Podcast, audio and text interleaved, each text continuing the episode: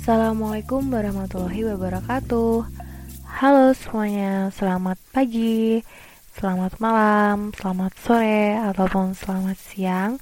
Di mana pun kalian berada yang sedang dengerin podcast ini Aku ucapin terima kasih banyak udah meluangkan waktu buat dengerin podcast ini.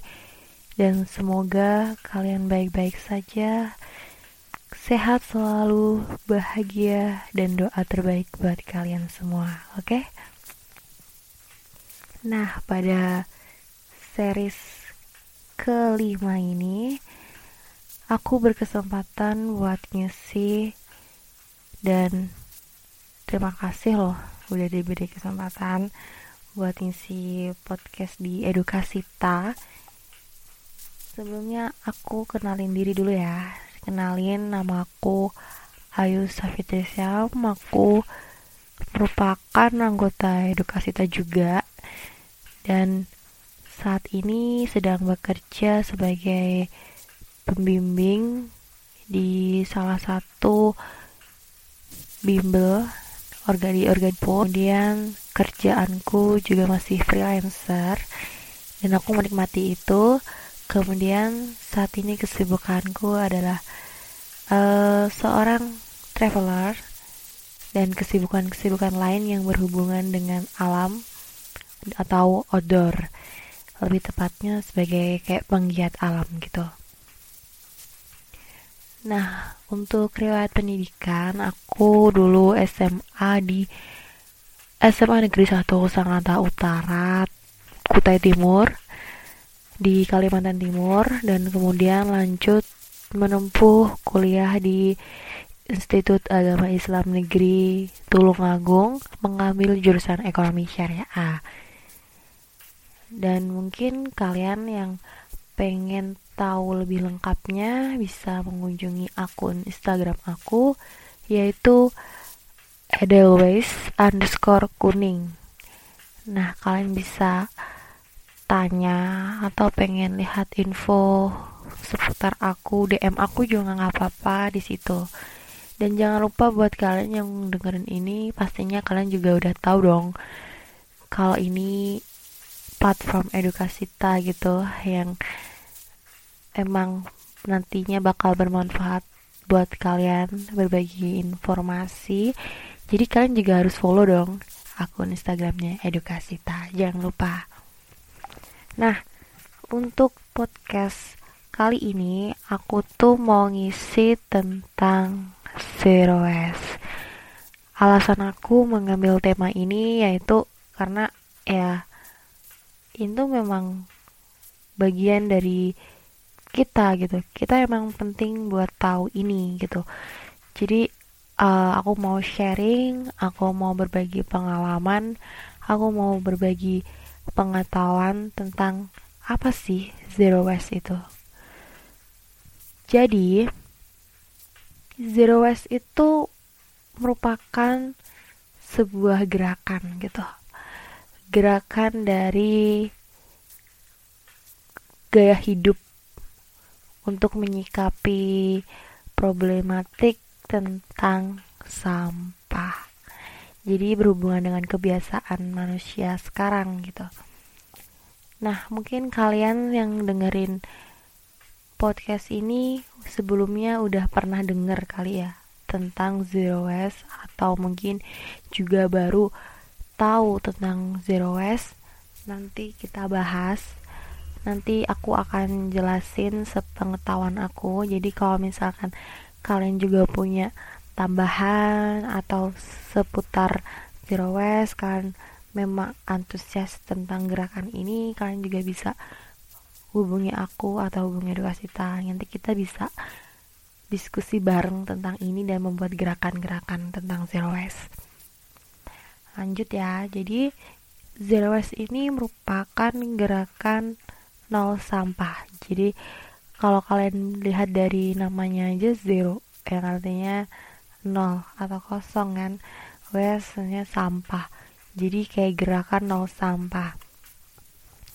Gerakan ini emang udah cukup lama digerak digalakan di Indonesia. Cuman aku baru antusias banget buat cari tahu tentang zero waste ini baru di tahun 2018an nah saat itu aku juga sering mengikuti seminar-seminar kemudian uh, mengikuti uh, sebuah sarasehan terutama yang baru saja aku ikutin itu di Coban Talun atau di Batu Malang yang diisi oleh teman-teman dari teman sampah. Eits, jangan salah pikir ya. Teman sampah itu sebuah kayak komunitas gitu loh, Rek. Jadi organisasi yang judulnya atau dia membawa namanya itu teman sampah. Kalian bisa cek di akun Instagramnya yaitu teman sampah gitu. Bukan temannya ya, tapi kayak kita bersahabat dengan sampah kita akan mengelolanya dengan baik kayak gitu mungkin tafsirannya jadi untuk pengantarnya kalian tuh harus tahu ya teman-teman bahwasanya uh, sekarang itu bumi udah semakin tua udah semakin kritis lah ibaratnya. Kita tuh udah manusia tuh udah mengkeruk habis-habisan dan udah memang kebiasaan kita untuk mengkonsumsi sesuatu barang. Itu tidak bisa lepas dari kehidupan kita gitu. Lalu ditambah lagi dengan urbanisasi kemudian pembangunan apalagi di era modern seperti ini pasti banyak banget dilema-dilema dan masalah tentang sampah. Ini merupakan salah satu kasus yang harus memang segera dipecahkan solusinya. Aku jadi ingat tentang kasus e, sebu sebuah longsor yang ada di Jawa Barat, yaitu tepatnya di Cimahi. Di sana itu ada tempat pembuangan akhir ATPA yang menggunung. Itu di tahun 2005 sih kasusnya. Kalian bisa cari detailnya dan lebih lanjut di berita-berita online atau bisa cari di Google. Kalian cek tentang Cimahi TPA Cimahi kalau nggak salah ya nah di situ gunungan sampah di TPA itu tuh longsor dan menimbun sekitar 86 rumah dan Tahu nggak di situ tuh ada korban manusianya gitu, sekitar 153 orang. Jadi sekitar 153 orang mereka tertimbun longsoran sampah dan 86 rumahnya tidak bisa terselamatkan. Itu sampah loh teman-teman. Jadi saking tingginya, saking besarnya dan tidak terolah dengan baik, makanya sampah itu bisa menjadi bahaya dan mengancam buat manusia di sekitarnya. Jadi, aku mau ngambil data lagi dari Kementerian Lingkungan Hidup dan Kehutanan atau bisa disingkat dengan KLHK. Jadi, menurut mereka 7% sampah di Indonesia itu dapat didaur ulang dan sekitar 69%-nya itu tidak bisa didaur ulang dan hanya ditimbun di TPA. Jadi Kalian bisa bayangin, hanya 7% yang dapat didaur ulang dan dikelola. Sedangkan sekitar 69 persennya itu hanya teronggok gitu, kayak tidak dapat diolah dan hanya tertimbun di TPA dan itu terus menerus semakin tinggi tinggi tinggi dan tinggi semakin banyak.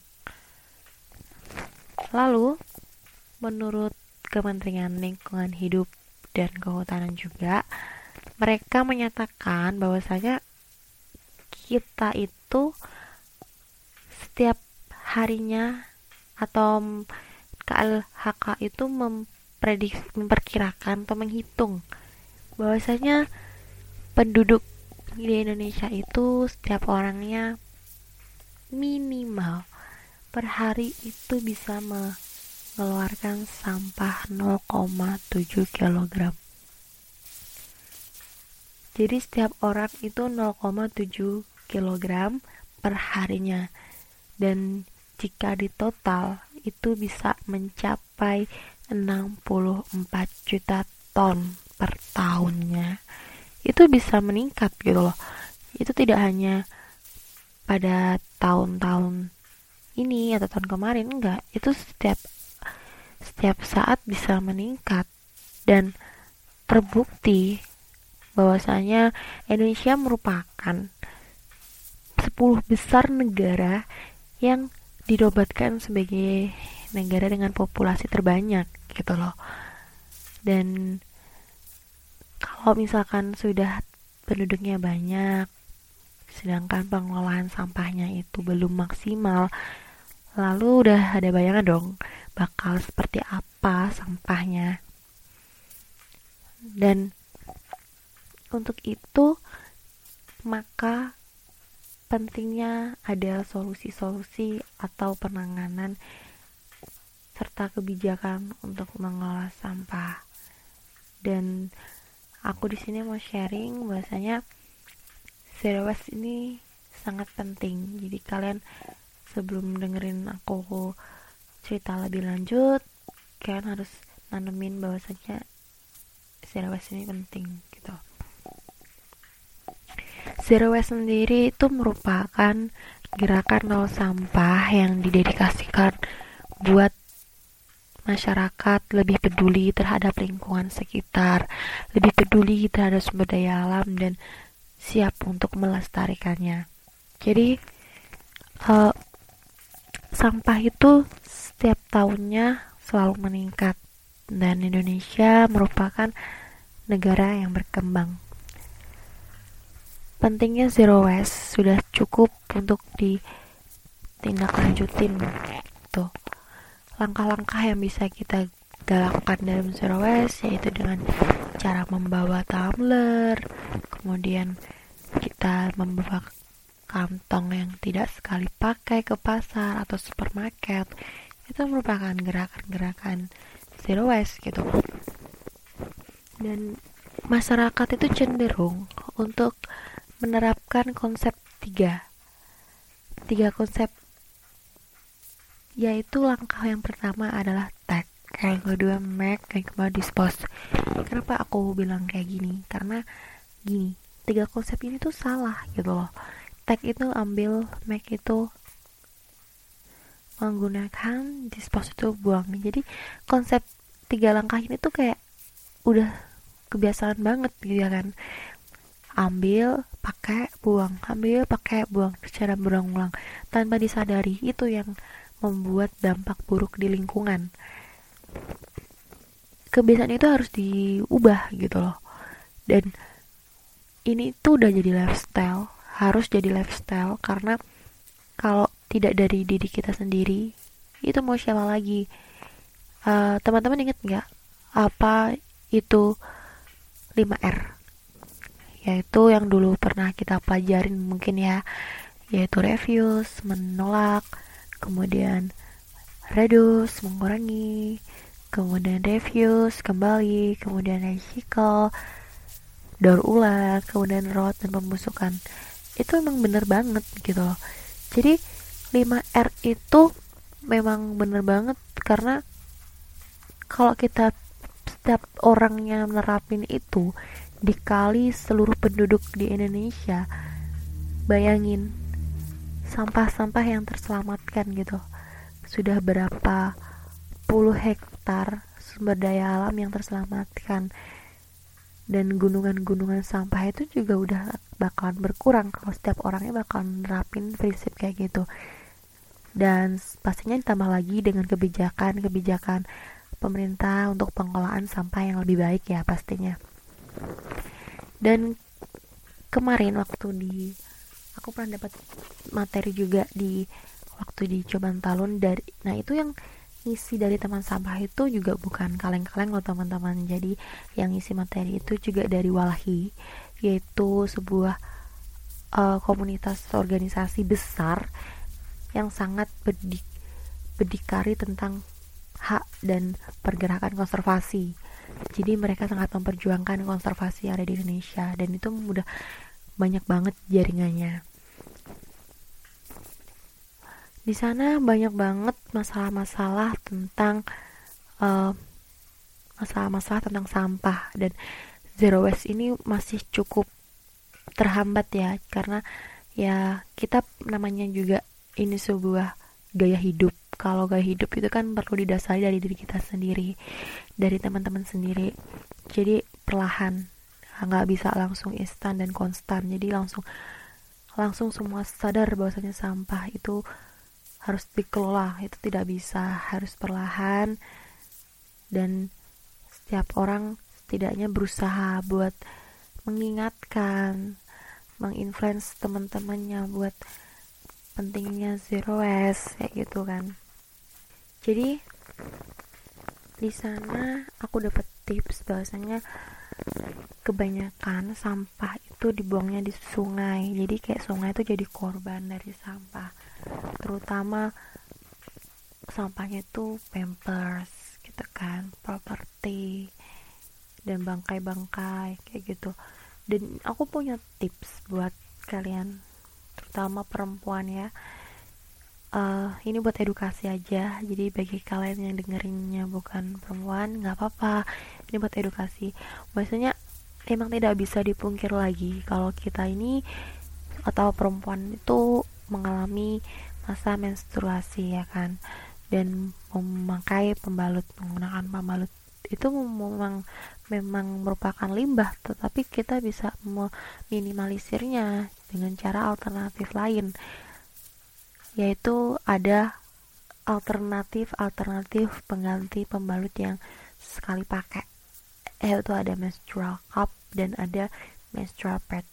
Jadi kalian bisa cari secara detailnya atau cari info-info lengkapnya di Google dan di YouTube. Itu udah banyak banget yang bahas tentang menstrual cup atau menstrual pad. Jadi tidak ada alasan lagi buat uh, sampah mohon maaf sampah pembalut kita itu dijadikan jadikan uh, salah satu dampak di lingkungan gitu.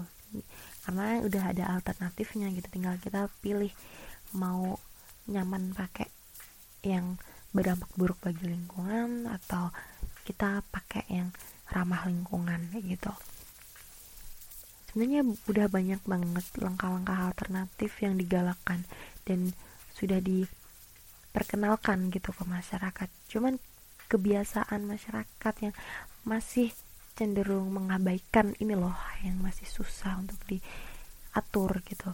Makanya di sini aku mau ngingetin kepada kalian dan memberikan sharing informasi tentang zero waste ini agar kita sama-sama bergerak untuk menggalakkan namanya lifestyle gaya hidup zero waste atau gerakan nol sampah. Kemudian manfaatnya zero waste. Zero waste itu banyak banget manfaatnya. Salah satunya kita itu jadi hemat. Kenapa hemat? Karena dengan kita membawa tumbler sendiri dari rumah otomatis kita kan tidak beli minum di swalayan atau kita nggak beli di toko-toko buat beli air mineral. Itu udah cukup menghemat kita untuk membeli minum. Karena kita bawa tumbler isi ulang sendiri gitu. Bisa diisi di kantor atau diisi di rumah teman gitu kan. Kita siap tumbler. Kemudian yang kedua kita sehat. Kenapa sehat?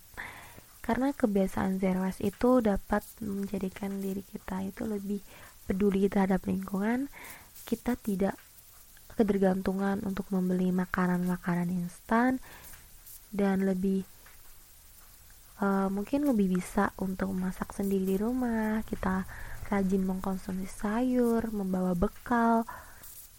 Kita makan dengan tempat bekal kita yang yang biasanya kita makan di tempat styrofoam atau tempat-tempat yang sekali pakai dan buang. Kita bisa lebih ramah lingkungan dengan membawa bekal.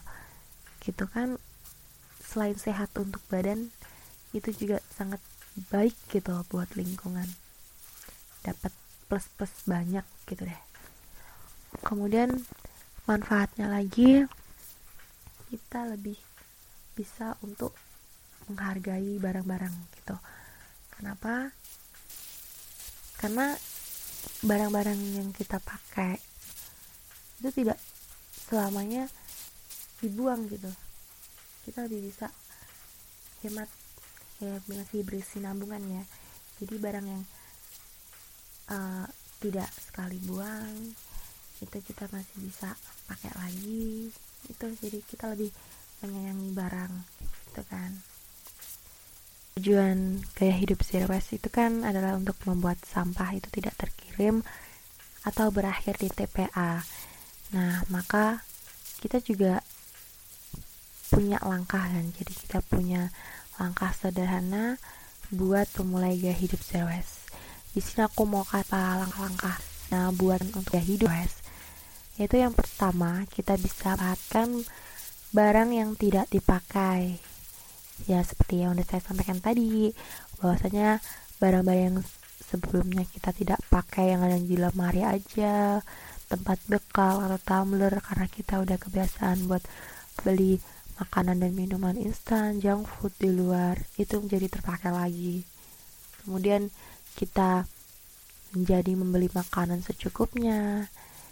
Kemudian kita jadi mulai memisahkan sampah organik dan anorganik. Sebenarnya membuat hidup kita lebih indah kan zero waste itu membuat hidup kita lebih indah dengan cara kita juga ber bersimpati dan kita peduli terhadap alam gitu. Kan inget kan bahwasanya dulu atau kalian teman-teman pernah de- pernah lihat di tempat umum ada tempat sampah yang tiga warna ada merah kuning sama hijau. Itu adalah tempat sampah pemisahan. Jadi hijau organik merah organik atau atau cuma ada dua warna doang biasanya kan? Itu adalah salah satu langkah-langkah gerakan zero waste yang udah sebenarnya kita udah terbiasa melihatnya cuman kita belum terbiasa untuk melakukannya. Kalau anorganik itu kan misalnya yang plastik botol kayak gitu. Kalau organik daun udah udah paham pastinya ya kan? Aku ngingetin lagi. Nah kemudian kita jadi think before you buy it gitu loh. Kita biasanya kan selalu mencari atau membeli barang yang praktis dan kadang tergoda gitu dengan keinginan impulsif kita. Akhirnya kita tidak berpikir panjang gitu apakah ini kebutuhan atau keinginan dan ke mana perginya barang itu setelah kita beli gitu. Nah dengan zero waste ini coba deh kita berpikir aku beli ini buat apa ya? gitu uh, ini lebih cenderung hemat atau boros ya. Ntar kalau nggak kepake gimana ya? Coba gitu jadi kita lebih memikirkan untuk jangka panjang. Karena pemborosan itu membuat barang kita tidak terpakai dan akhirnya jadi apa? Jadi sampah. Jadi um, membiasakan think before you buy it gitu kan. Berpikir sebelum membeli ya seperti itulah teman-teman jadi zero waste itu kan membantu kita zero waste itu akan membantu kita gitu loh untuk mengevaluasi gaya hidup dan melihat gitu loh bagaimana sesuatu yang kita konsumsi bisa berdampak terhadap lingkungan. Karena bumi ini merupakan tempat satu-satunya manusia untuk hidup dan kita tinggal juga di bumi. Lalu kalau kita bumi kita rusak, kita tidak jaga, kita mau tinggal di mana lagi gitu kan.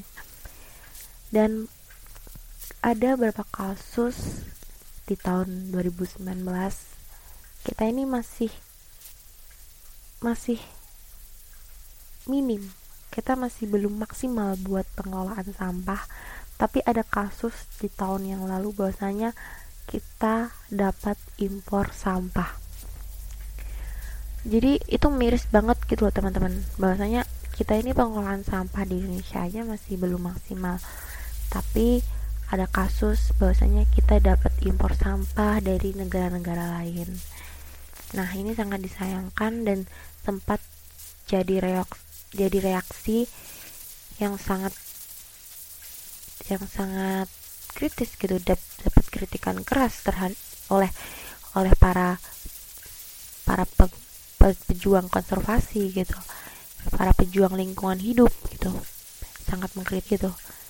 Kita udah banyak masalah sampah tapi kita timur sampah ya itu mungkin jadi evaluasi buat diri kita bahwasanya emang sampah itu memang gak bisa dipisahin dari kehidupan. Tapi kita bisa meminimalisir dan siap cermat dan si dan smart gitu. Yang kita bisa mengelolanya itu dengan baik dan bijak.